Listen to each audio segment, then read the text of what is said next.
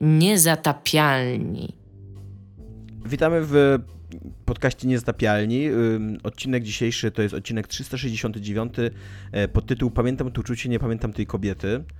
E, proszę teraz, żebyście się przedstawili sami, bo ja nie, nie, nie zamierzam zbierać cięgów za to, że was przedstawiam, więc...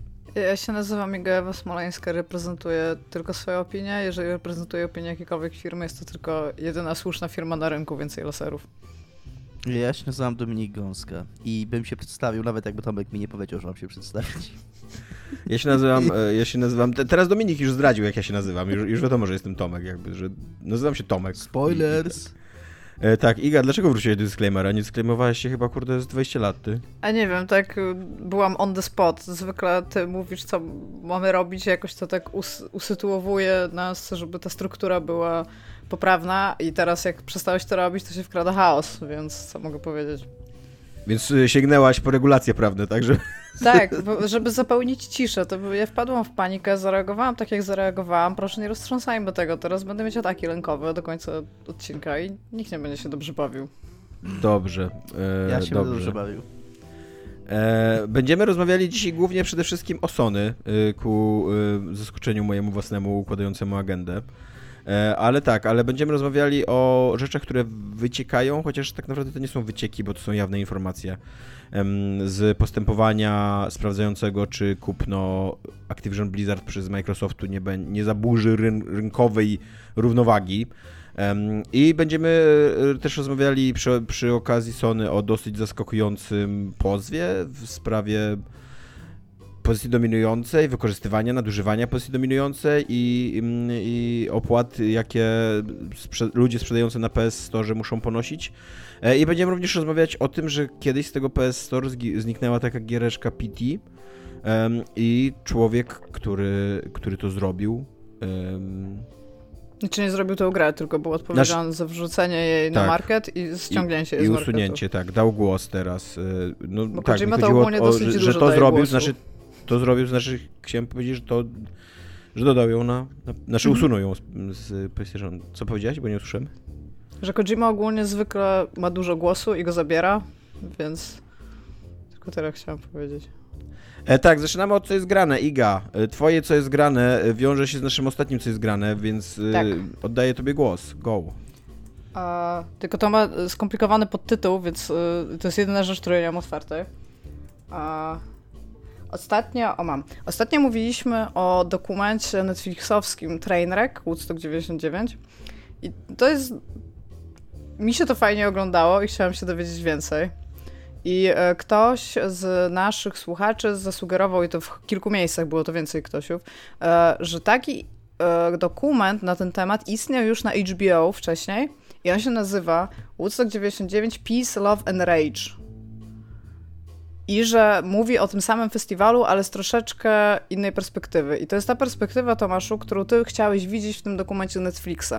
Tam raczej zwracają uwagę na rzeczy, które poszły niedobrze i skąd mogły się wziąć i jest dużo, dużo większy nacisk na te wszystkie negatywne akcje, które zostały tam podjęte łącznie z molestowaniem, gwałtem, śmiercią niektórych uczestników i to jest e, taki jakby punkt widzenia, z którego to wychodzi. Co więcej, i to cię najprawdopodobniej cieszy, bo mnie cieszyło, jest tam footage z koncertu Rage Against the Machine, na przykład.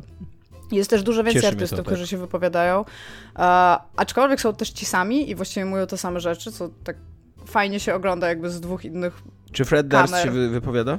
Nie, nie ma Freda Darsa, jest na przykład Jonathan Davis z Korna. E, co więcej, e, jest, e, tamten jest podzielony na trzy odcinki i byś się spodziewał, że, Przepraszam, że będzie... ja nie, nigdy, mhm. nigdy nie byłem fanem zespołu Korn, więc też nie znałem imion jego wykonawców, ale Jonathan Davis to strasznie nudne imię i nazwisko jak na wykona jak na członka takiego zespołu jak Korn, to brzmi bardziej pasowało do jakiegoś, nie wiem, prawnika czy, czy yy, inwestora Może tak. Ja, to prawda, ja że mam... Nathan Davis to by pasował do takiego gitarowego banda, barda, który, wiesz, który tam gra takie koncerty dla mamusiek, co nie? Takie, co nie? Ja, ja tak Drogie panie, że Nathan Davis, co nie? I on tam, dzień dobry, dzień dobry. Chciałbym ci wprowadzić trochę miłości do waszego życia, co nie? Saksofonista Taki. Tak jak ten, tak jak Ron Swanson w tak. parkach. Albo tak, no. Jego alter... na saksofonie właśnie. Duke Silver, tak. Mhm. No, ale co miałam powiedzieć, to e, ja tak, ja, ja z kolei dużo słuchałam Korna. Ja bym się w ogóle super czuła na tym Woodstocku, tak swoją drogą patrząc na, na ten, line, na, na ten line-up. A i jakby trudno mi jest oderwać jakby to nazwisko od osoby, Jasne. bo dla mnie wokalista Korna to zawsze był Jonathan Davis. I jakby, no.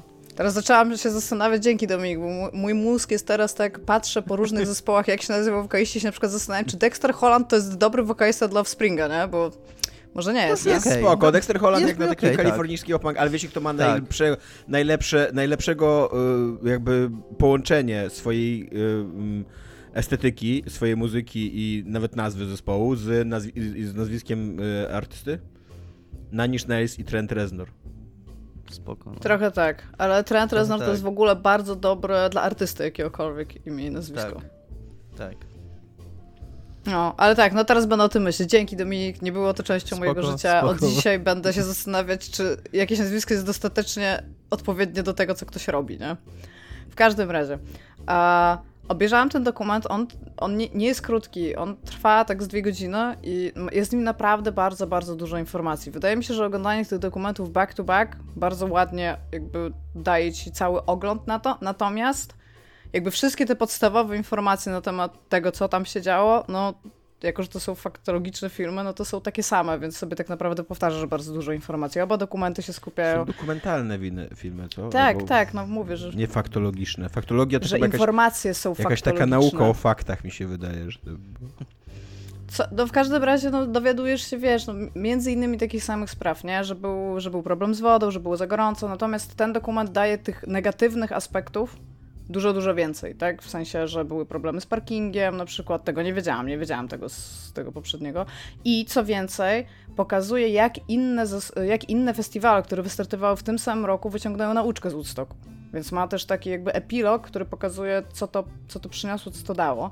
I na przykład nie wiedziałam też, że miał być planowany Woodstock na 50-lecie Woodstocku oryginalnego. Miał się nazywać Woodstock 50 i on został odwołany. Tego, tego na przykład zupełnie nie wiedziałam. Wydaje mi się, że to jest taka może wiedza, którą mają Amerykanie no, na to po 20 latach festiwal. jeszcze się bali, tak? Że, że to się powtórzy? Bo rozumiem, że on miał być wtedy w 2009? Nie. Coś takiego. 2000... Nie, w 2019.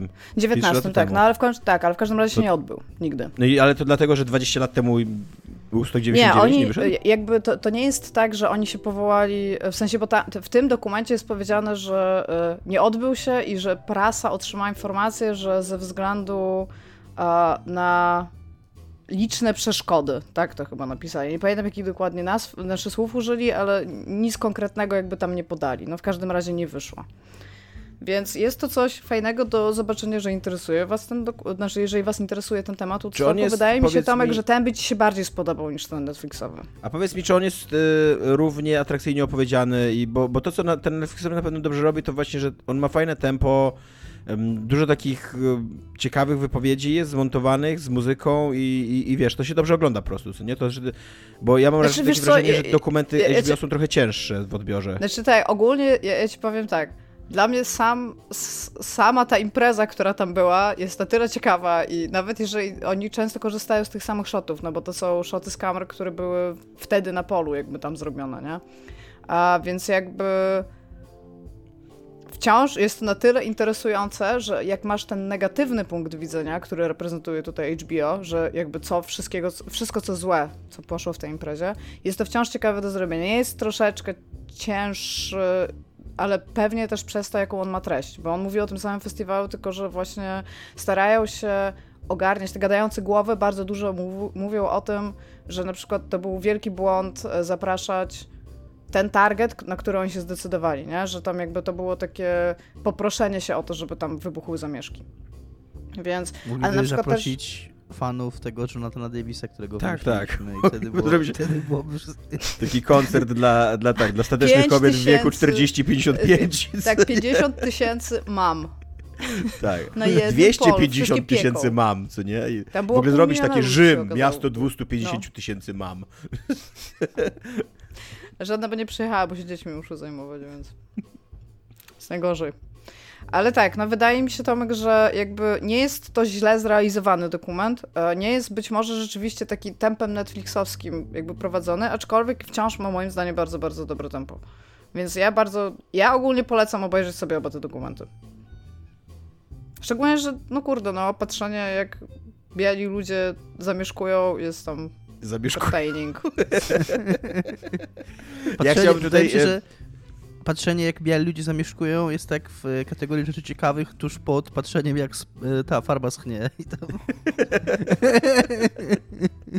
E, jako, że tak, chciałbym, chciałbym się przeprosić Iga tu na antenie. E, okazuje się, że bardzo poprawnie e, wykorzystujesz e, języka polskiego, skorzystasz z języka polskiego, może już trochę nie dzisiejszego, ale jednak faktologia to jest po prostu opowieść o faktach, albo ogół faktów według e, słownika A Doroszyńskiego. to czyli dobrze powiedziałam. Tak, czyli dobrze powiedziałaś. Jest nawet jest prze, przepiękny przykład tutaj podany, Dajesz. który przeczytam teraz. Niemało też trudu musiało go kosztować, aby nie uległ pokusie pofolgowania swej fantazji, aby nie dał się ponieść tematowi kosztem faktologii. To jest dokładnie zdanie, którego bym użyła, żeby wytłumaczyć komuś kontekst, w którym możesz użyć słowa faktologiczne. Ale w każdym razie ty miałeś rację, a ja się czepiałem. e, Faktologia to też e, jakby można chyba Uczymy tego i użyć prostu bawimy. Zamiennie dokumentalny też, faktologiczny. No. Nie rozbawiło swoją drogą, jak się dopierdalałeś do Igi, że powiedziałeś, że faktologia to byłaby nauka o faktach. I tak sobie trochę pomyślałem, że chyba każda nauka jest nauką o faktach, jakby Trudno nauki... powiedzieć, hermeneutyka jakby bazuje często dookoła faktów. Chciałem powiedzieć, chciałem powiedzieć, że żyjemy w kraju, w którym y, każdy uniwersytet i co drugi minister ma tytuł, kurde, y, teologa, co nie? Więc y, nie mówmy, że każda nauka jest nauką o faktach. A poza tym astrologia okej, to jest najlepsza fair. nauka ever. Jakby, Fair, fair. tak. Wow, w ogóle tam zaprzęgliśmy wielkie działa już do tej rozmowy. I znowu nas pocisnął za obrażanie religii. Ja nie obrażam religii, Znowu obrażam się, teologię. Znowu, znowu się nie wypłacimy. Muszę zadzwonić do Ludwika, żeby już był gotowy na naszą sprawę. Nice. Masz jeszcze coś do powiedzenia w sprawie Woodstocku? Albo coś jeszcze masz do coś zgrane? Bo Totalnie bardzo krótko ci wyszło to- w ogóle. No, no ja wiem, no ale jakby no, już o tym rozmawialiśmy in, in, great detail, ale ogólnie, co mogę powiedzieć na ten Woodstocku 99, żałuję, że mnie tam nie było wciąż, pomimo wszystkich negatywnych rzeczy, które o tym wiem. Bardzo bym chciała. Dobra, Iga, to ja widzę, że A, muszę dużo twoje, co jest grane. Oglądałem Alieny, wszystkie trzy.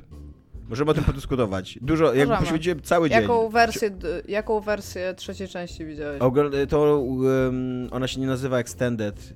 Czy Extended się właśnie nazywa? Czy No Chest Hager jest z byka czy z psa? Z byka. Okej. Tak, To tą, widziałeś tą, tą... tą, tą, reżyserską, to- to niby dobrze, tą tak. rozszerzoną, która jednakowoż nadal nie podoba się Davidowi Fincherowi. Jakby to nie jest, to nie jest tak, że tam przyszedł David Fincher i zrobił swoją wersję, tylko studio wypuściło najpierw kiepską wersję, która się nie podobała reżyserowi, później wypuściła ciut lepszą wersję, która nadal się nie podoba reżyserowi, więc to, to nie jest tak, że uratowali jakby mm, to, co zrobił tam montaż, em, tylko ciut lepszą wersję ten. I poświęciłem, chyba poniedziałek był teraz wolny, tak? W zeszłym tygodniu. E, poświęciłem cały poniedziałek, znaczy nie, no, nie cały poniedziałek, ale część poniedziałku po tym, żeby w ciągu 24 godzin obejrzeć pierwsze, y, pierwsze trzy e, opcje. Nie zdążyłem obejrzeć czwartego niestety, a bardzo bym chciał. E, I muszę ci powiedzieć, Iga, przede wszystkim, że co mnie zaskoczyło, to e, że zdecydowanie najgorszy dla mnie dzisiaj jest drugi obcy. to, jest najlepszy, to jest najlepszy obcy. Zdes- Ja wiem, że... Najlepszy ja wiem, obcy to że jest pierwsza godzina kto obcego jeden. Nie, Zanim ja wiem, się pojawia jeszcze się ze mną potwór. zgadza, ale Obcy 2 to jest fenomenalnie super film. Od od scenografii, dialogów, po prostu y, obsady, no, Sceny z po prostu wszystko tam jest super. Nie ma sceny z wieżyczkami, oglądałem oryginalną wersję. Nie ma No. sceny z wieżyczkami i ku mojemu zaskoczeniu jej brak nie rujnuje tego filmu. kilka, kilka przebitek do strzelające karabiny nie robi lepszego filmu. nie, wiesz co, Cenię mu- pierwszego Aliena, jak najbardziej, aczkolwiek pomimo tego, że tam uwielbiam horror, a tylko pierwszy w sumie Alien jest taki mocno horrorowaty, to kurde ten, ta druga instalacja, jakby te, te wszystkie sceny akcji i ta bardzo ikoniczna już do dzisiaj załoga jest super. Trójka Ja ma taki tak- problem, że ona w ogóle jakby odcina się grubym, grubym murem od wydarzeń Tak. w dwójki. Od- Już od, same, od samych pierwszych scen po prostu. Już jest tak, nie, dwójka się nie stało i tam like, szkoda. Ja ci powiem Szkoda, tak, wiesz co, że e, ja chyba pierwszy raz w życiu obejrzałem całego Obcego jednego, jeden, tak od początku do końca, nie? Jakby wcześniej widziałem cały ten film, ale zawsze w kawałkach. Nigdy nie miałem tak, że usiadłem po prostu dwie godziny i go widziałem. I to, jak dobra jest pierwsza godzina Obcego jeden, jeszcze zanim się pojawi potwór, bo moim zdaniem ten potwór, no po latach widać, że oni nie wiedzieli do końca jak go kręcić, że on był tam facetem w kostiumie, ten facet nie do końca wiedział jak się zachowywać e, i tak dalej. Ale dopóki nie pojawia się ten potwór, jakby do, do, do tego czasu, że tam jak wybucha klatka piersiowa pierwszego, pierwszej ofiary, co nie? To to jest rewelacyjnie nakręcony film. On jest przepiękny, naprawdę. To jest, kurde tam się prawie nic nie dzieje, a napięcie jest cały czas obecne, są wspaniale przedstawieni bohaterowie, są, jest bardzo interesujący taki, taki kąt pokazania tych bohaterów, że to są taki, taki working class hero. I oni totalnie, to, to totalnie tacy górnicy lecący przez kosmos, którzy są zainteresowani tak naprawdę tylko swoimi udziałami i kasą, którą tam... Jak raczej jak tirowców bym widziała, No, albo, albo no, ale to są dosłownie górnicy, jakby oni tam lecą z jakimś, jakąś rudą skądś tam, co nie? Więc nie wiem, no mo może oni ją tylko transportują? Możliwe, że są takimi kierowcami. Bardziej mi się wydawało, że są bardziej górnikami. No ale nieważne, co nie? Ale są takie working class, co nie? I to, jak są ta, jak, jak jest chemia między nimi pokazana, jak jest kręcony ten statek, jak jest, y, jak jest pokazany ten statek obcych, znaczy nie tych obcych obcych, tylko tych um, elephant menów, co nie? Rewelacyjne. To jest tak, tak dobra, kurde, kinowa robota, że autentycznie przez tą pierwszą godzinę to siedziałem, kurde, jak na szpilkach i byłem zachwycony. Nie? To, pomimo tam 50 lat na karku, kurde, w ogóle się ta cinematographic, nie wiem jak to nazwać po polsku, takie wartości kinowe. Właśnie nie kinematografia, u nas to chyba coś inaczej na- znaczy, nie? Filmowość. Ta, o filmowość, tak, te, tego filmu, takie jakby widowisko, w ogóle to się nie zestarzało. Ridley Scott tam, kurde, cudowną robotę zrobił, co nie? Em, a, a co do tego, co do dwójki, to jest jakby nie tak, że mi się nie podobał ten film, bo to jest kurde klasyk i, i się świetnie bawiłem i, i jest zajebisty, nie? Ale w porównaniu do jedynki, w porównaniu do trójki, e, to jest tak płytki i tępy film, że to jest głowa mała, nie? To jest film akcji. Tak, ale jeszcze taki w najgorszym duchu filmów akcji lat 80., gdzie Dokładnie. każda postać to jest jedna cecha charakteru i każdy dialog to są, kurde, to przerzucanie się one-linerami. To wszystko nie? to jest one-liner, oczywiście, tak, tak. tam nie ma żadnej psychologicznej głębi, nie ma żadnej głębi świata No przedstawionego. jak, a Replay i Newt? W ogóle, w ogóle uważam, że ten, że, ten, e, że ten film ma trochę problem z tym, że manipuluje mm, emocjami bohat- naszego widza za pomocą w pierwszej części kota, a w drugiej części dziecka, co nie? Takie to jest... No spoko, to dziecko potem ginie. No, Pomiędzy dwójką a trójką dziecka już nie ma, więc ale ma tak mam problemu. wrażenie, że jak chcesz zrobić taki właśnie, wiesz, y, terror, kosmiczny terror pokazać, to być może powinieneś zagrać jednak na ciut takich bardziej wyrafinowanych Ale nutach. czy oni chcieli pokazać... No w y, jedynce na y, pewno chcieli pokazać. No ale ja nie wiem, czy w terror. dwójce oni chcieli pokazać kosmiczny terror. W dwójce oni chcieli pokazać strzelanie do alienów. No, No. ale wiesz, ale materiał wyjściowy to był kosmiczny terror, no. tak, i zobaczyli tego aliena i byli jak hell fucking jest, teraz robimy, że ty, ich jest dużo i do nich strzelamy, a z nich leci kwas. I tam jest dziecko i jest baba, której cechą jest męskość. To jest ważne. Tak. To robimy. I to jest Obcy 2. I potem jest Obcy 3 i to jest robimy film o bieganiu przez korytarze. Go! I, nie, i Obcy 3, właśnie w tym, e, w tym, drugi, w tym, w tym drugim montażu, w tym Extended Cut, on bardzo ciekawie podnosi taką ikonografię religijną mm, poprzez to, że tam mm, więźniowie na tej, na tej planecie, na, której, na, na którą trafia Ripley są, oni mają taką sektę, nie? Jakby są takimi skrajnymi chrześcijanami, takimi ludźmi, którzy czekają na apokalipsę i, i żyją w wiecznej tam wstrzemięźliwości i, i, i, tak dalej. I to, I na że... łyso. Słucham? I na łyso żyją. Tak, i na łyso. I jeden z nich, taki niezrównoważony psychicznie, odczytuje aliena jako literalnie właśnie diabła, który przyszedł przeprowadzić apokalipsę, co nie? Jakby, że oni na to czekali, oni w to wierzyli, że, że, że przyjdzie apokalipsa i wszystkich tam, wiesz, o, oczyści w ogniu e, i tak dalej. I, I to jest, to jest naprawdę super interesujące, jakby tak widać, że Fincher tam miał coś, jakiś, przy- znaczy nie wiem, czy Fincher, czy może autor scenariusza, ale widać, że twórcy mieli co, jakieś przemyślenia, jakieś fajne pomysły. Nie do końca to się udało zaimplementować do tego filmu, bo nawet ten Extended Cut ma tam swoje duże wady, co nie? Jest za długi.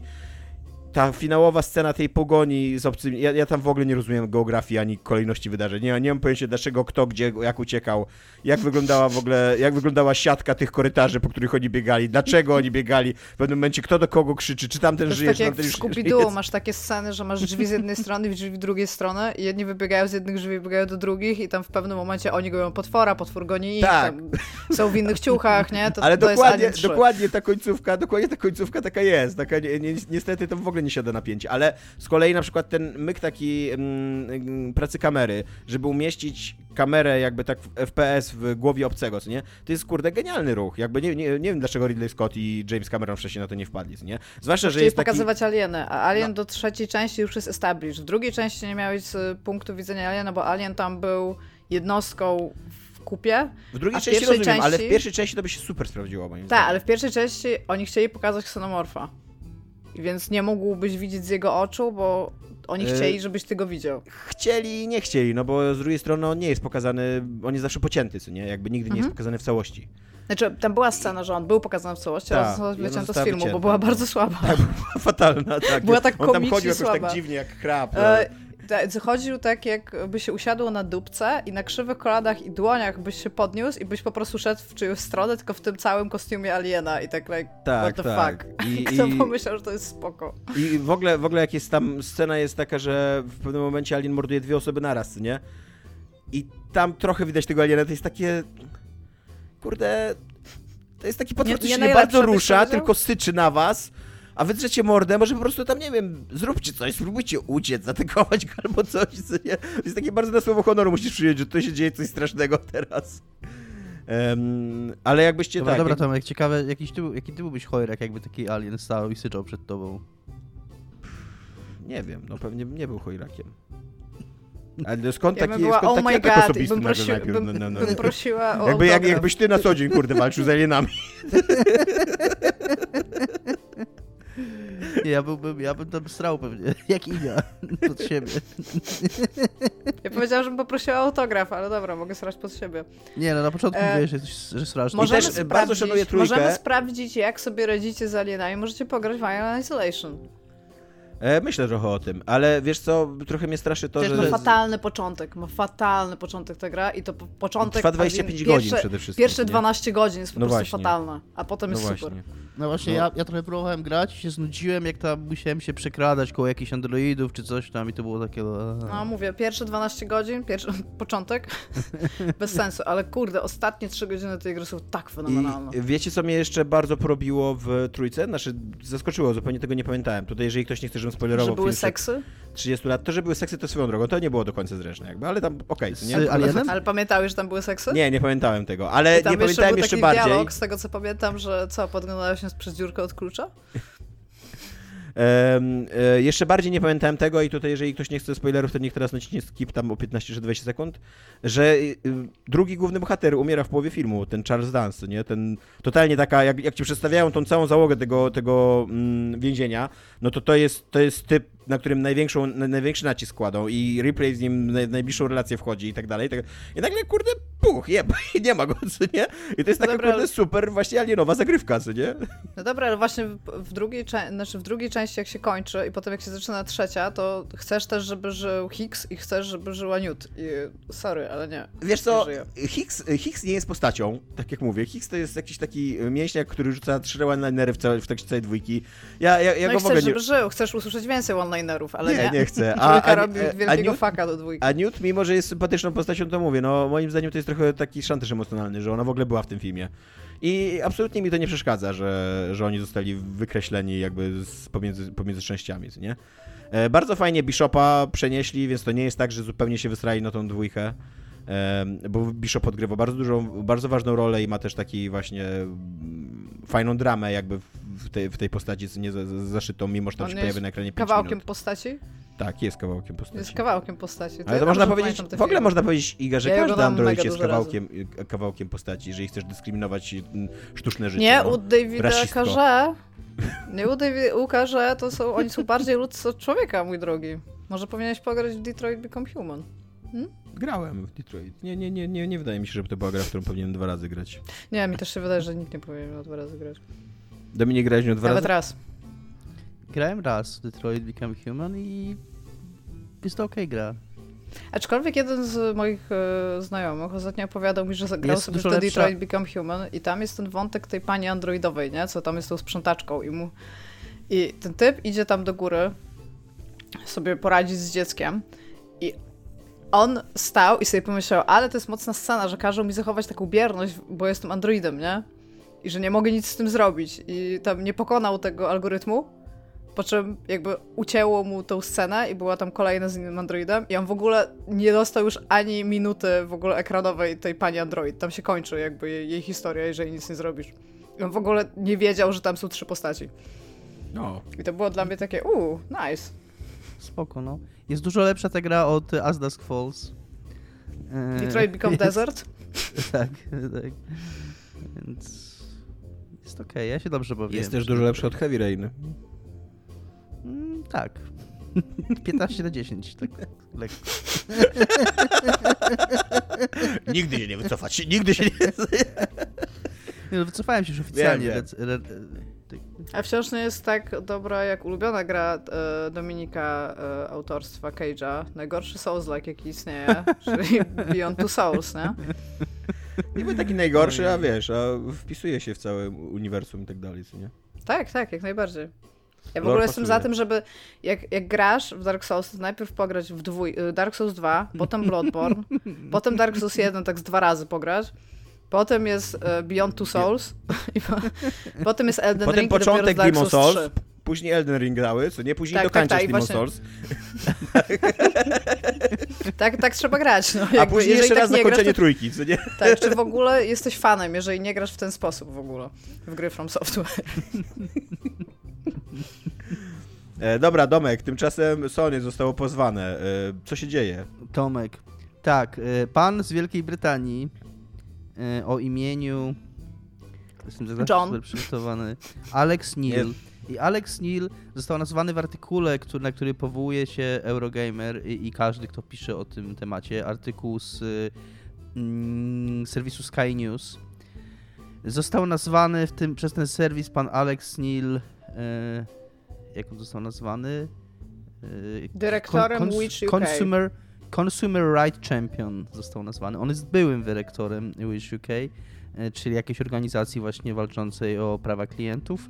I, i o, o generalnie jest jakąś taką postacią właśnie znaną z, z czempionowania, z byciem czempionem e, klientów i w ich walkach o ich prawa.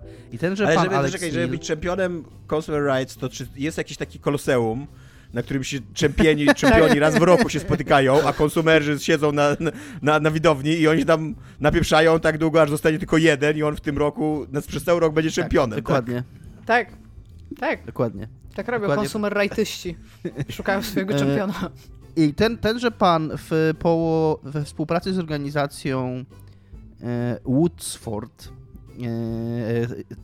taką orga- e, firmą zrzeszającą specjalistów e, z dziedziny e, arbitracji i, i procesów sądowych, e, i którzy też płacą za te, za te za tego typu wycieczki prawne. I tenże pan we współpracy z tąże organizacją czy firmą postanowił wytoczyć Sony proces zbiorowy e, na kwotę 5 miliardów dolarów, e, zarzucając firmie Sony, że mm, zmusza swoich klientów do przepłacania za gry w sklepie PlayStation.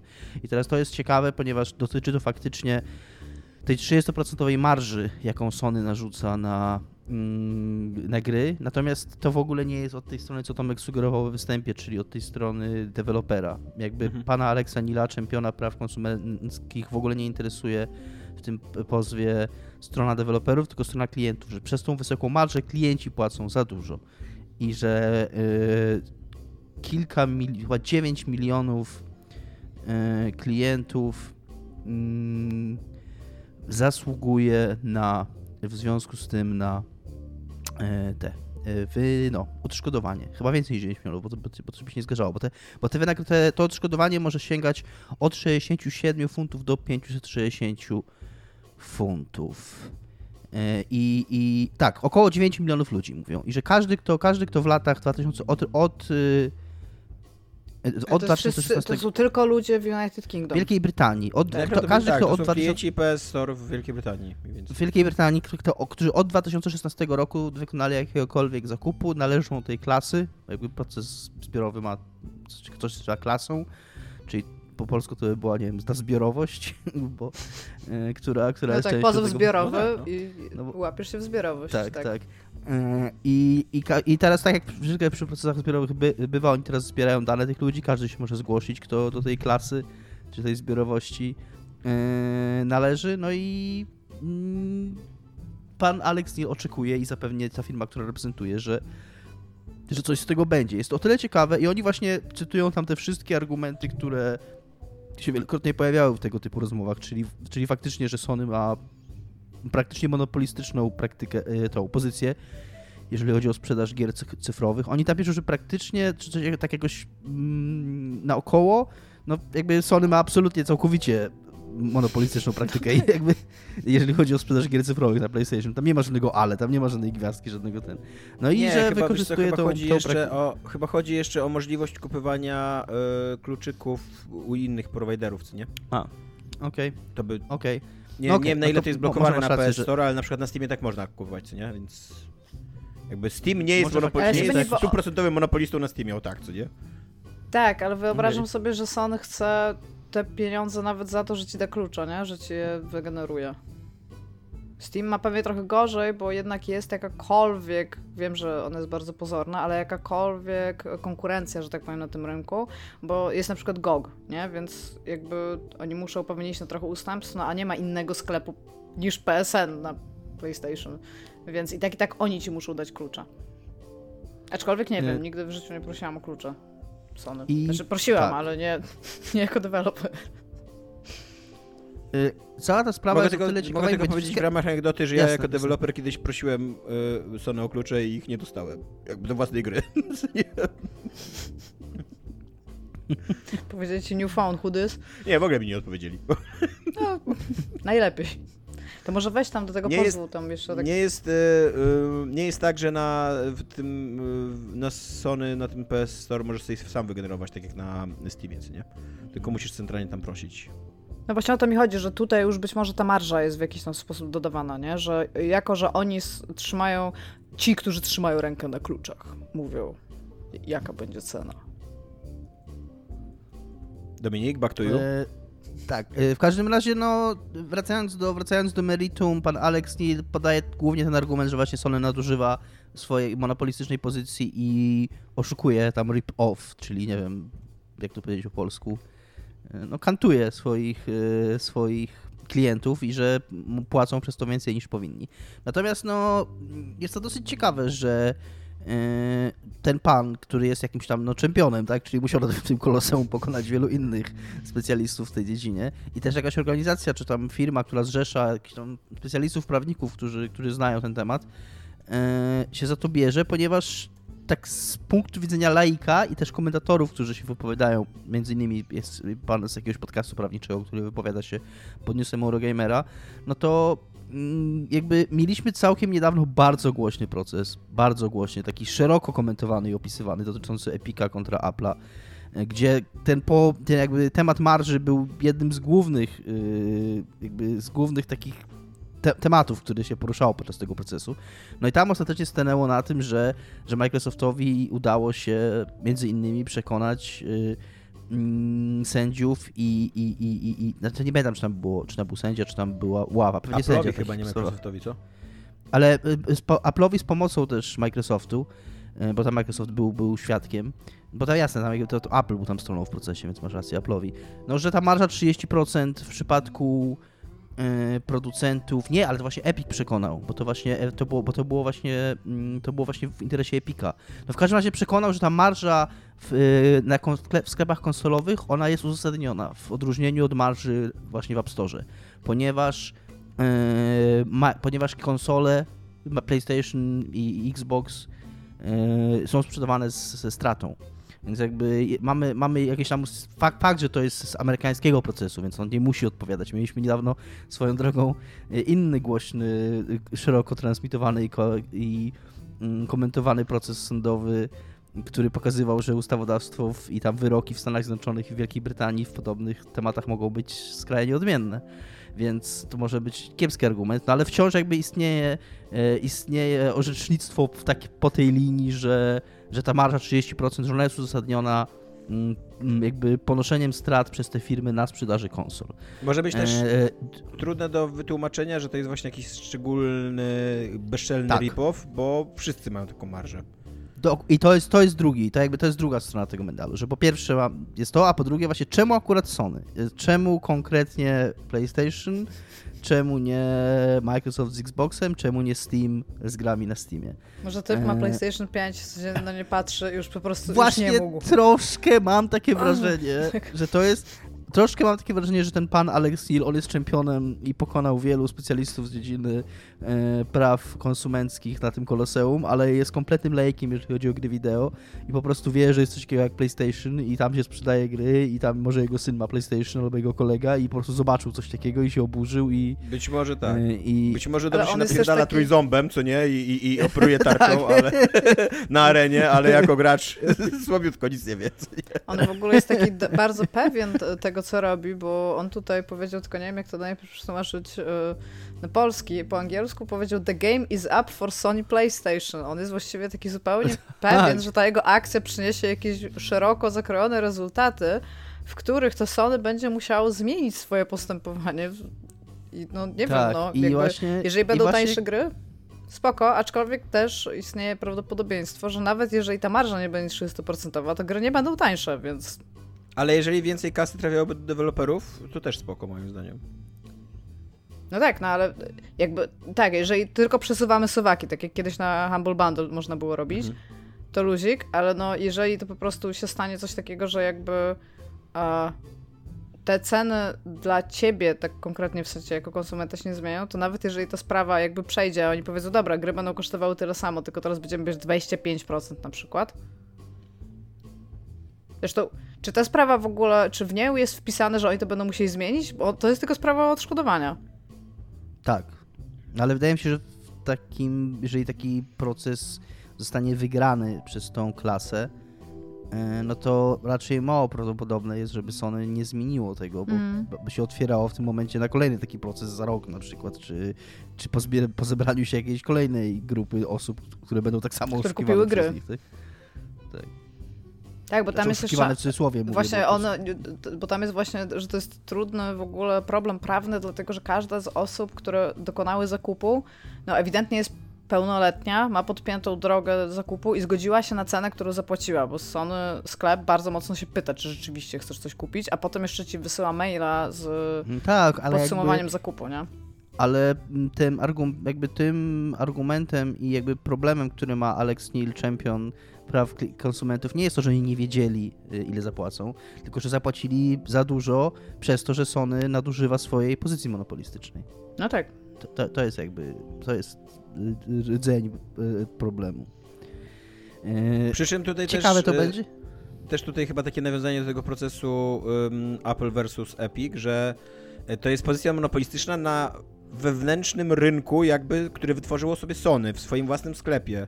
A ten amerykański proces raczej przychylił się w tym kierunku, że nie można tak traktować tych rynków, że, że Apple tam miał, tam raczej argumentacja Apple'a wygrała w, tej, w tym konkretnym aspekcie, że, no, że ten rynek Apple'owy nie jest de facto jakby całym rynkiem, co nie, którym można by tam Ja szczerze mówiąc nie mam pojęcia. Mm, To było tam tak zawiłe koniec końców. Tam były artykuły, pamiętam do gdzieś po tym procesie były artykuły, kurna, hurop, takie krzyczące nagłówki z jednej i z drugiej strony. Że to był wielki triumf Ampla i wielki triumf Epika. Yy, No, pa pamiętam, że tam mówię, ja tylko pamiętam tyle, bo to mi zapadło w pamięć, bo tam też padły te bardzo dla mnie też interesujące słowa yy, przedstawiciela czy przedstawicielki Microsoftu, który powiedział, która powiedziała, że yy, Microsoft nigdy nie zarabiał na sprzedaży konsol Xbox. I jakby ten wątek zosta- był mocno podkreślany, że właśnie ta marża w przypadku producentów konsol jest, jest bardziej uzasadniona jakoś tam.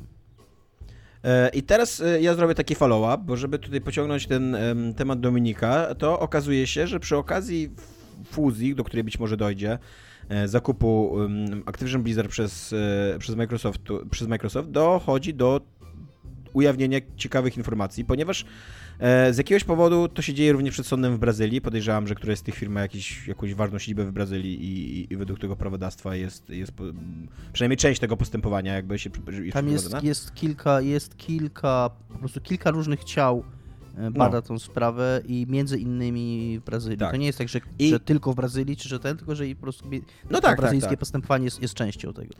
Tak, i, i prawo Brazylii mówi, że mm, jakby głosy stron y, zapraszane do tej dyskusji, do, te, do tego sporu muszą być jawne i przez to wiemy między innymi co, e, co Sony mówi, co Sony myśli o tej, e, o tej transakcji. I Sony, co ciekawe, jako jedyna z mm, zaproszonych jakby tutaj do, do konsultacji stron, wyraziła zaniepokojenie tą transakcją, zwracając uwagę na to, że Activision Blizzard posiada e, Call of Duty, a Call of Duty jest tak dominującą marką na e, rynku konsolowym, że e, wiąże się i e, jakby obecność Call of Duty e, na, na, na, danej konsoli wiąże się z decyzjami zakupu od danej, danej konsoli, nie? Czyli, że e, Sony boi się, że jeżeli Microsoft położyłby łapę na em, marce, jaką jest Call em, Call of Duty i jeżeli by ją zrobił ekskluzywną tylko dla mm, Xboxa i PC, albo nawet, nawet, nawet nie ekskluzywną, bo tylko, tylko jeżeli na przykład by jej postanowił nie wydawać na Sony, no to to by było, to by był e, trochę zabójczy ruch e, dla Sony. E, na, co z kolei, na co z kolei Microsoft odpowiedział tak trochę wymijająco, bo nie odpowiedział, że nie, odpowiedział, że nie przestaniemy sprzedawać Call of Duty na, na, na sprzęcie Sony, tylko odpowiedział, że byłoby to nieopłacalne.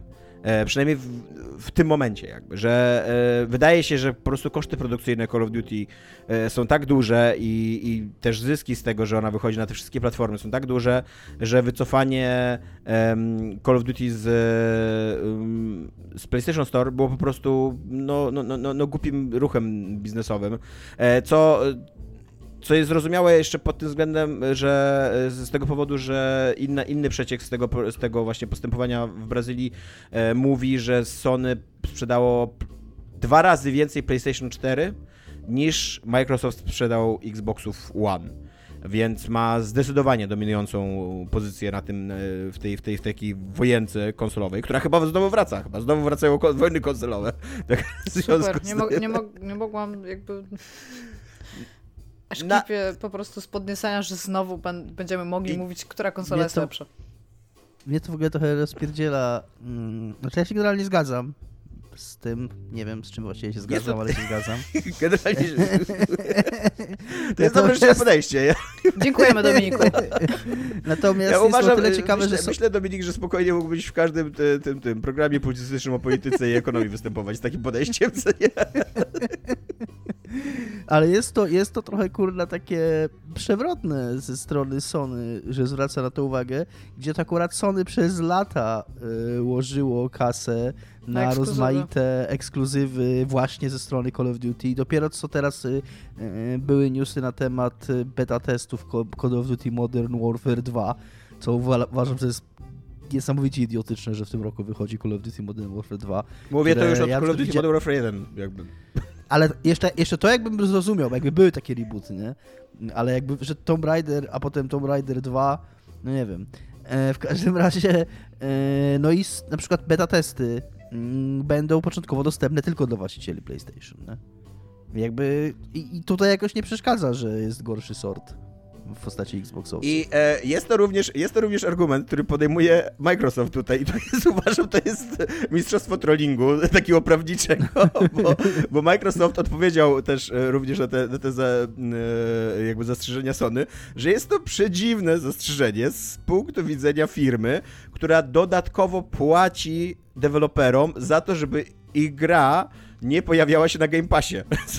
Czyli, że aktywnie zwalcza właśnie tą konkurencję między konsolami i aktywnie produkuje, buduje taki rynek e, ekskluzywów, dwóch zamkniętych sklepów, w których nie są dostępne te te, e, te gry, co nie te produkty. I uważam, To że chyba nie jest do końca tak, bo ten, y, ta chyba niedostępność na Game Passie nie wiąże się z faktem, że nie będziecie w ogóle na Microsoft Store, tylko że oni Tak. ci rekompensują fakt, że nie dostaniesz tej kasy, którą byś dostawał za Game Pass, faktem, żebyś wydał też na PlayStation Day One, jakby, w ten sposób. Tak, tak, masz rację, że tu nie chodzi o Microsoft Store. Podejrzewam, że, że na Microsoft Store taka gra się może pojawić, ale że, że Sony płaci deweloperom za to, że, że, oni się, że oni nie podpiszą dealu z Game Passem, Mhm. nie?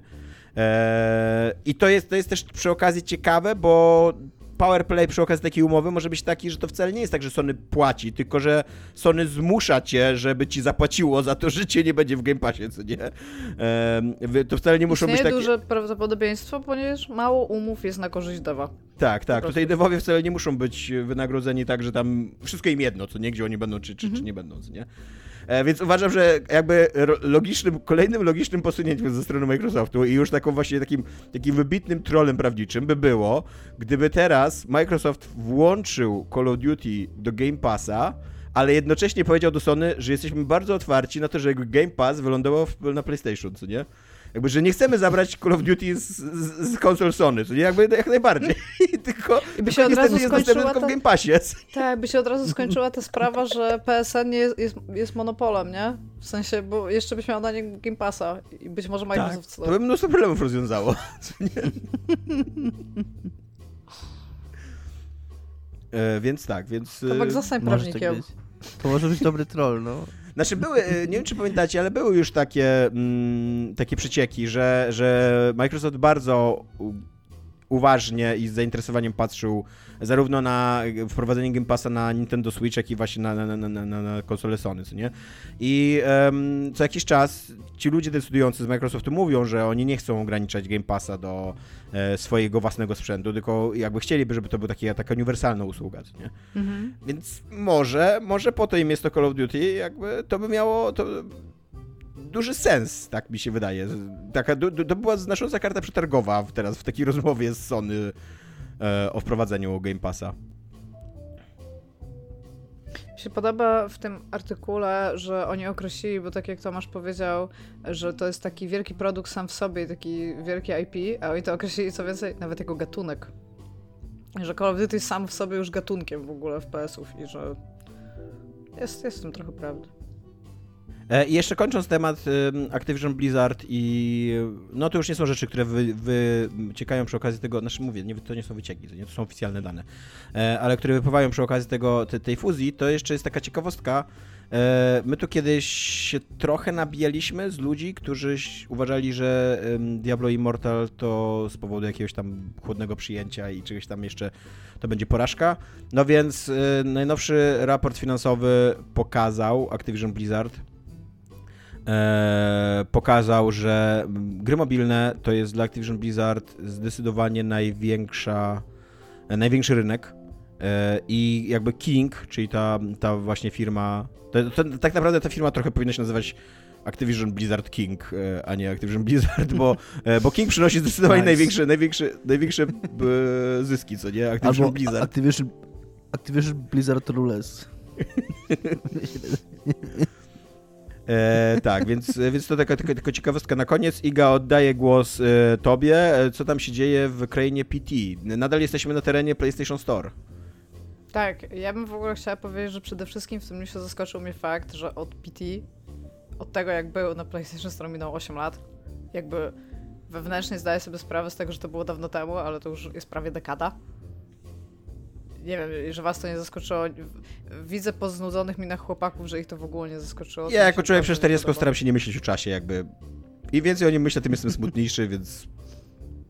Dobrze, w każdym razie e, pan, który był odpowiedzialny za wrzucenie, był w tamtym momencie e, odpowiedzialny za. Jak się, jak się robi grę, to jest ważne, to najpierw tworzy się e, jej taki mock-up, mock-up jakby w sklepie tam na przykład Microsoftu, albo Sony, albo na Steamie. I tam często jest jeszcze jakiś codename, albo nie ma jeszcze wszystkich screenów, albo coś takiego. No i się pan, pan, który był za to odpowiedzialny, pan Pearl L., powiedział e, na Polsce istnieją takie się z- spółki dewowe, które tworzą tą stronę, zanim jeszcze zaczną tworzyć grę, żeby tylko po prostu tak, wrzucić jakieś graficzki i, i fejkowy content i zobaczyć, czy idea gry zaskoczy.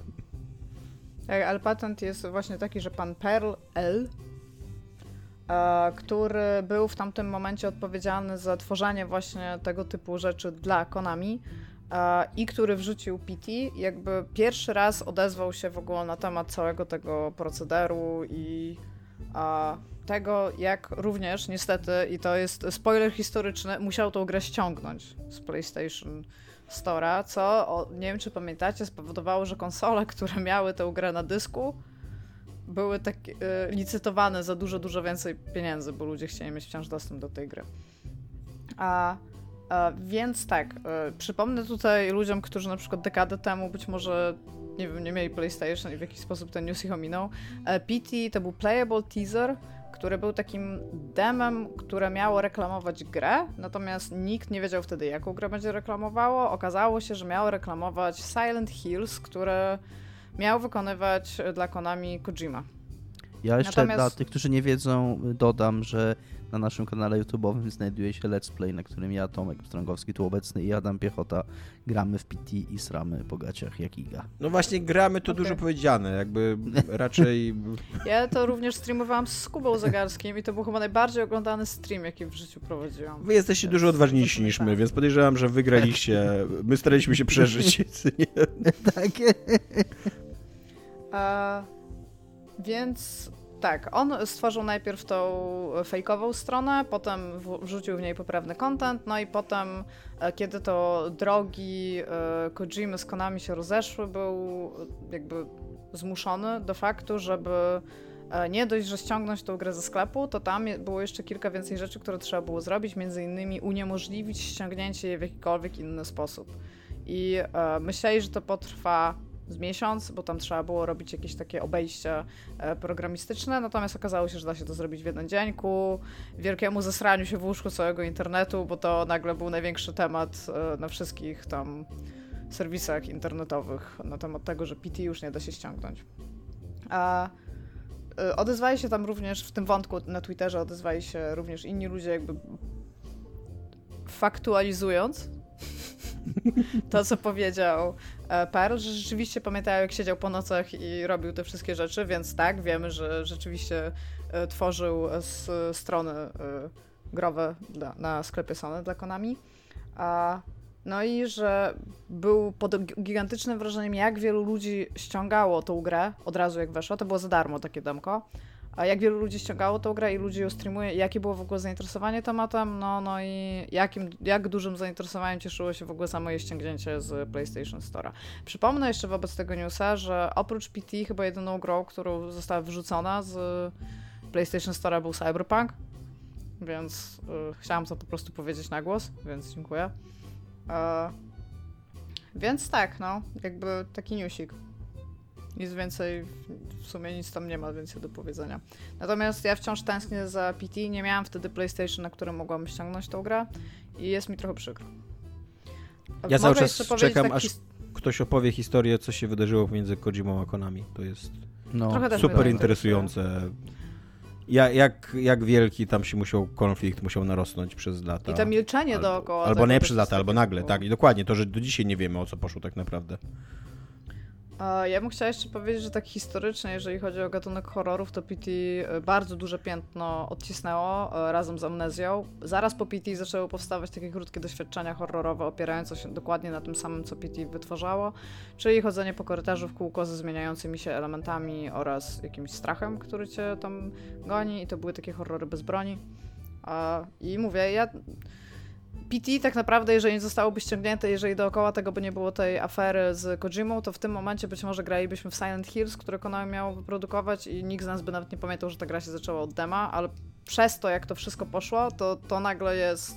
No to jest ostatnia gra Kojimy dla Konami, nie? też w sensie to, myśl, to myślę, że demo. to myślę, że ta, ten renesans Resident Evil e, też zawdzięcza dosyć sporo PT.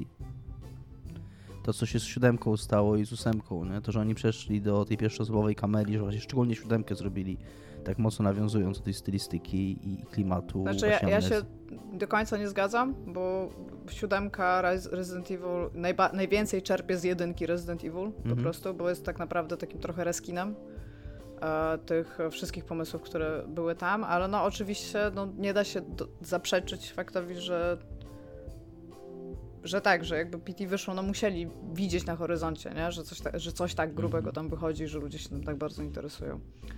Więc tak, trochę mi szkoda, chciałabym mieć, chciałabym mieć tą giereczkę.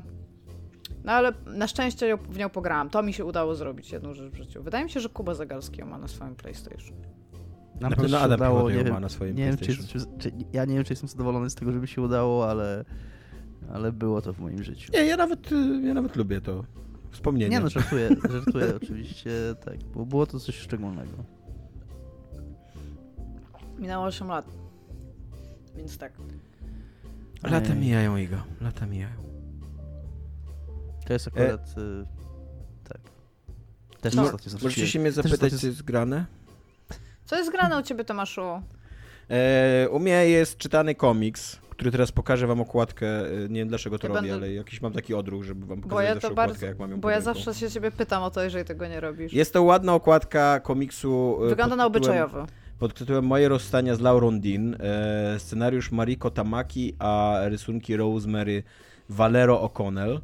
E, Mariko Tamaki możecie kojarzyć, bo to jest scenarzystka wydanej w Polsce świetnej powieści graficznej pewnego lata, e, którą ona popełniła we współpracy wtedy ze swoją kuzynką Gillian Tam- Tamaki. E, jakbyście mieli przeczytać dobry, dobrą powieść graficzną, obyczajową, taką mocno dziewczę, dziewczyńską, to ja wam polecam pewnego lata, bo moje rozstanie z Laurą Dean jest zdecydowanie gorszym komiksem. Nie znaczy też, że jest Ja złym mogę komiksem. również polecieć pewnego lata, bo to jest naprawdę dobry komiks. Tak, to jest naprawdę dobry komiks. Właśnie dlatego, że em, to, co mi się podoba w pewnego lata, to jest to, że to jest komiks, który w jakiś sposób jest tak delikatnie wyzwaniem dla czytelnika, że, że tam to, to nie jest takie oczywiste, o co w nim chodzi i do jakby co on próbuje powiedzieć. Nie tam przedstawienie mm, solidarności kobiecej, bo to jest właśnie taki bardzo komiks o, o, o więzach między kobietami, o, o potędze przyjaźni e, dziewczyńskiej i tak dalej. Jakby on, to, to nie jest coś naturalnego. Jest, jest pokazane, że to kosztuje wysiłek, że, e, że trzeba o to walczyć, trzeba o to dbać i tak dalej, i tak dalej, nie? E, w Moje rozstanie z Laurą Dean to jest historia dziewczyny, która jest właśnie mm, w związku z Laurą Dean. Laura Dean to jest trochę taka tajemnicza szkolna gwiazda, taka, taka super, super, super modna dziewczyna, która mm, w ogóle wszyscy mówią, że nawet się nazywa jak aktorka.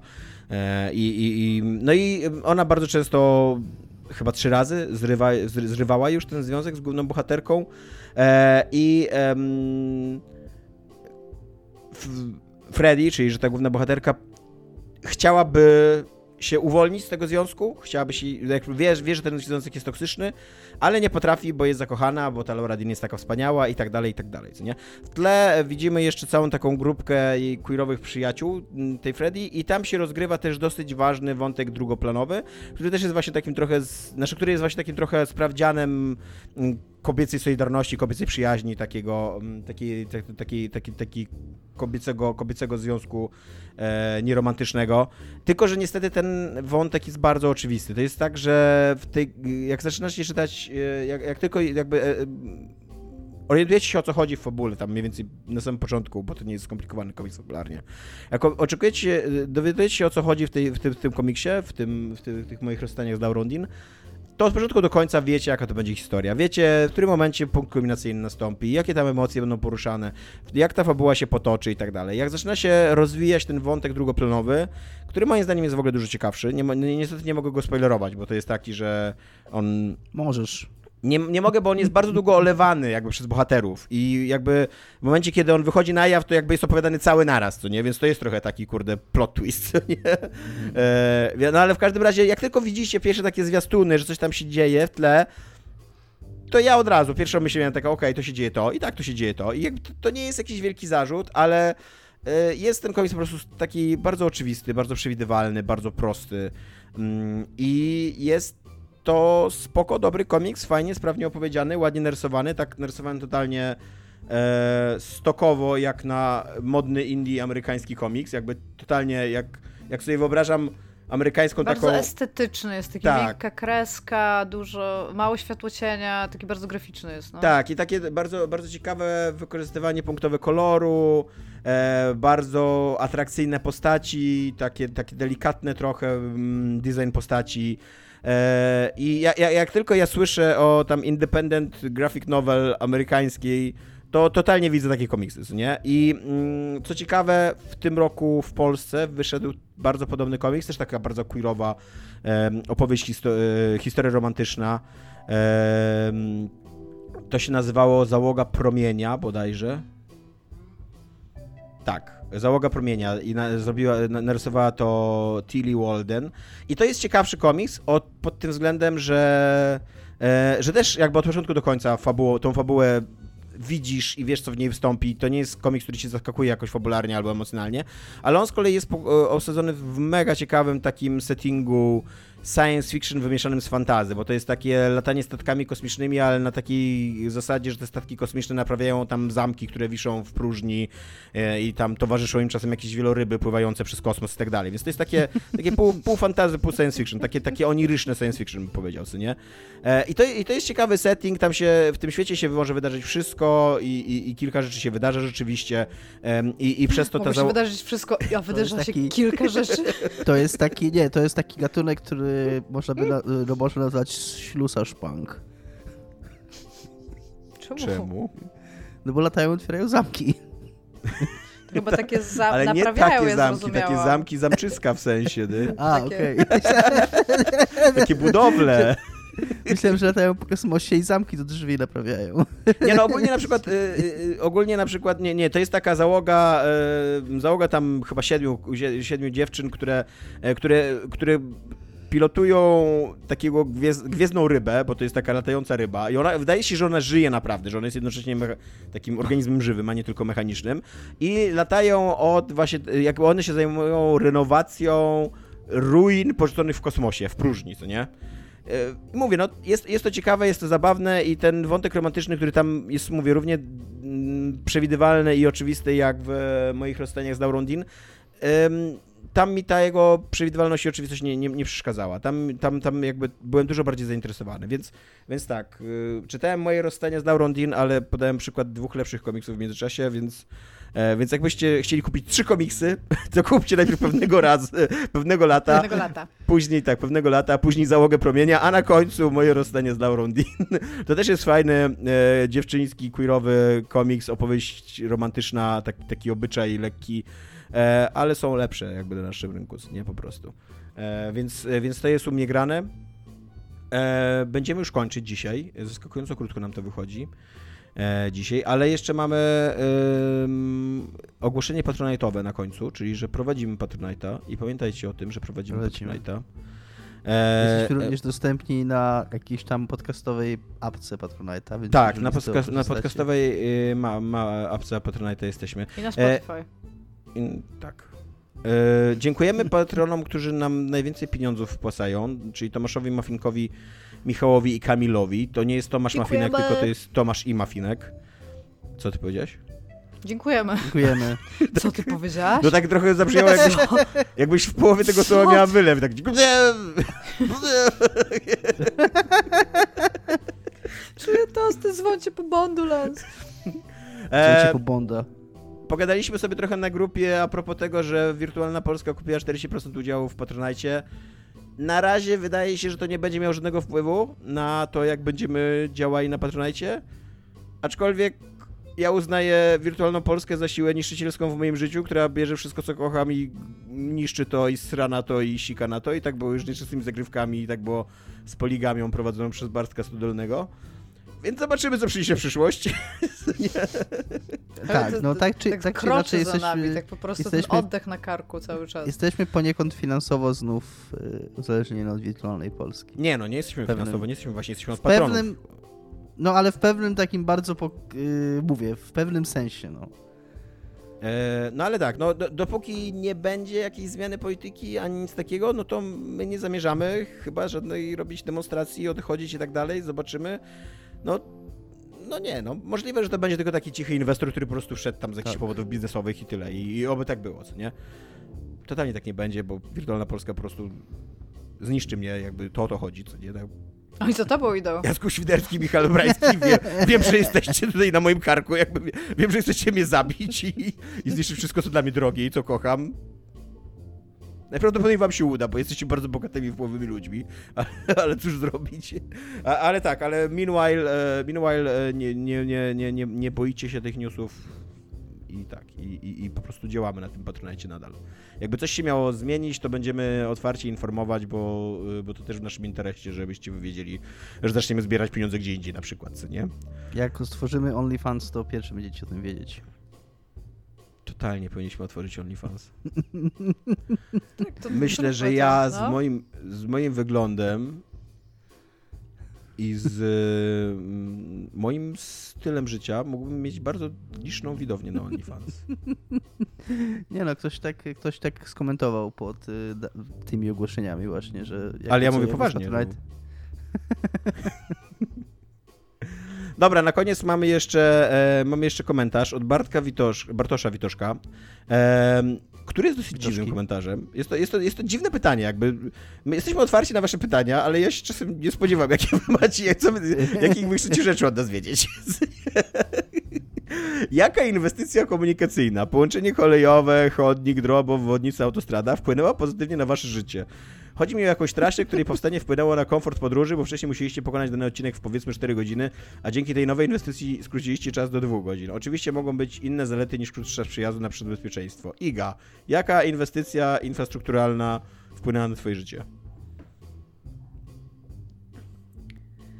Był taki moment na studiach, gdzie nie byłam. Ja się poruszałam na studiach SKM-ką. Mieszkałam bardzo blisko jednego przystanku i moja uczelnia, a właściwie jedna z dwóch, znajdowała się bardzo blisko drugiego przystanku. Więc jak się domyślacie, mogłam wsiąść na jeden przystanek i wysiąść na drugim. Natomiast y, był bardzo, bardzo długo taki moment, że jakby w tra- ona była nieskomunikowana z tym, jak się zaczynają zajęcia. W sensie mogłam tam albo być i czekać tam pół godziny, tak? Albo się spóźnić 15 minut. Praktycznie tak to wyglądało. Więc pamiętam, że jak zwiększyli częstotliwość SKM rano, to nie miałam takiego stresa rano, bo ja wstawałam rano i już byłam zestresowana, że, że się spóźnię na SKM. -kę. Więc to było chyba takie coś najbardziej, co mnie dotknęło. Raczej, raczej negatywnie rzeczy komunikacyjne się na mnie odbijały. Na Dominik? przykład jak, jeździ, jak jeździłam do czekaj. Gdańska, to wydłużyli czas y, pociągu, w sensie jechania pociągu z Wrocławia do Gdańska. Po prostu tak stał na jakiejś stacji pół godziny. Nie tak, że jechał wolniej, tylko po prostu stał i czekał. Mm, Ja nie wiem, czy to konkretnie. Znaczy, jest, mam, ja mam konkretnie argument, dlaczego dla mnie, ale też uważam, że jest to inwestycja infrastrukturalna, która zmieniła życie bardzo wielu ludzi, mieszkających w Gdańsku, szczególnie w tych okolicach, w których ja mieszkam, mieszkałem. E, To jest już dosyć dawna inwestycja. Mówię tutaj o rozbudowie ulicy Słowackiego, czyli o tym, o powstaniu tym, co się mówi teraz nową Słowackiego i tej takiej Czyli kładki. żołnierzy, czy- żołnierzy wyklętych, bo to jest Żołnierzy coś ciekawe, ostatnio Stara ulica Słowackiego nadal się nazywa po prostu ulicą Słowackiego. Tak. Ja totalnie Tak, byłem tak, pewien, tak. że ona się nazywa Stara Słowackiego, że tak jest napisane Tak na jest. Tak, tak, tak, tak. Tam jest po prostu słowackiego, ale ta, tam jak kiedyś, jak kiedyś tamtędy, tam jak kiedyś tamtędy się jechało autobusem, ja bardzo Ale to ja, ja chcę tylko uzasadnić, jeszcze przepraszam, że ci przerwę, ja chcę to uzasadnić, ponieważ w Olsztynie tak jest zrobione. W Olsztynie jest ulica Warszawska i jest Stara Warszawska. Nie, ja chcę, żeby była ulica Stara Słowackiego. Starej Słowackiego. Stara Słowackiego, tak. Idziemy na Starej Słowackiego. Tak, ale no ja bardzo długo jak jeździłem, ja mieszkałem, yy, chodziłem do szkoły w Oliwie, więc yy, zdarzało mi się jeździć autobusem tamtędy i te korki, jakie tam były na tej Starej Słowackiego w porównaniu do tego, jak tam się jeździ obecnie, to jest niebo a ziemia i to jest inwestycja, która, mówię, mi się wydaje, że bardzo wielu ludzi w Gdańsku yy, jakby To ma prawda. takie odczucie. To prawda. E, Ja e, bardzo długo czekałem, aż siódemka pomiędzy Olsztynem a Gdańskim zostanie wyremontowana. Ona była remontowana tak długo, że już mi to wisi, jakby jak została wyremontowana. To już, już A teraz się już super szybko jeździ. super się szybko jeździ, ale ja już nie potrzebuję tak często się dostawać do Olsztyna. E, Natomiast jest taka inwestycja, która kiedyś bardzo mocno zmieniła moje życie na jakieś 4 miesiące. E, I to były rowery miejskie w Gdańsku. Mieliśmy taki bardzo, bardzo duży projekt MEWO to się nazywało. e, Rowerów e, miejskich wspomaganych elektronicznie, elektrycznie. E, Przez co się bardzo łatwo i szybko na nich jeździło i one były jeszcze bardzo tanie, bo były tam współfinansowane przez miasto, Unię Europejską i tak dalej. I to był super projekt, tych rowerów było bardzo dużo i bardzo wygodnie się z tego korzystało. Niestety firma, która obsługiwała ten system MEWO, em, tam w ogóle sobie z tym nie radziła, tak totalnie. Te rowery były wiecznie, bardzo często były e, wyładowane, oni nie, nie radzili sobie, żeby je załadować. em, e, bardzo często grupowały się te rowery w jednych miejscach, jakby albo pod korporacjami w środku dnia, albo na przedmieściach w ciągu wieczora, bo po prostu ludzie wykorzystywali je jako transport. I to, co powinna robić ta firma, czyli tam rozlokowywać je później po całym mieście i, tak dalej, to tego nie robiła. E, I niestety po tych właśnie 4 czy 5 miesiącach, po jednym takim sezonie turystycznym, miasto wypowiedziało tą umowę tej firmy, która to obsługuje i później przez 4 chyba lata, tak mi się wydaje, że to trwało już 4 lata, e, miasto próbowało znaleźć nowego operatora dla tego Mewo, dla tego systemu Mewo, ale z kolei ten stary operator, który e, które, któremu odebrano Mewo, zaskarżał każdą decyzję miasta. Jest, w Polsce jest taki system przetargów publicznych, że jeżeli go zaskarżysz, to on musi zostać zawieszony, dopóki nie zostanie ta, ten protest rozpatrzony. E, I to pozwala bardzo przedłużać i często torpedować różne takie postępowania publiczne. Dlatego tak często zresztą się obchodzi ustawy o zamówieniach publicznych, co z kolei prowadzi do różnych patologii i tak dalej, co nie? E, e, no więc był, było to Mewo przez te 4 miesiące, ja z niego namiętnie korzystałem, to było super. Później zniknęło i, i, i tylko to mi przychodzi jakby do głowy, bo tak to raczej nie mam jakiegoś takiego chodnika czy ulicy, którą, która jakoś super zmieniłaby moją, mo, mo, moje życie. Tak. Więc to, to, to, Jest to, ciekawe pytanie. Pamiętam, że zwróciłam na nie uwagę, zanim Tomek je wybrał do tego, to tak usiadłam i przeczytałam w mailu i tak, okej. ma- Tak, ja się zgadzam, że to Jeszcze jest ciekawe. z, z moim Tomkiem 07 i usiedliśmy i mówię, słuchaj, zadam ci teraz pytanie.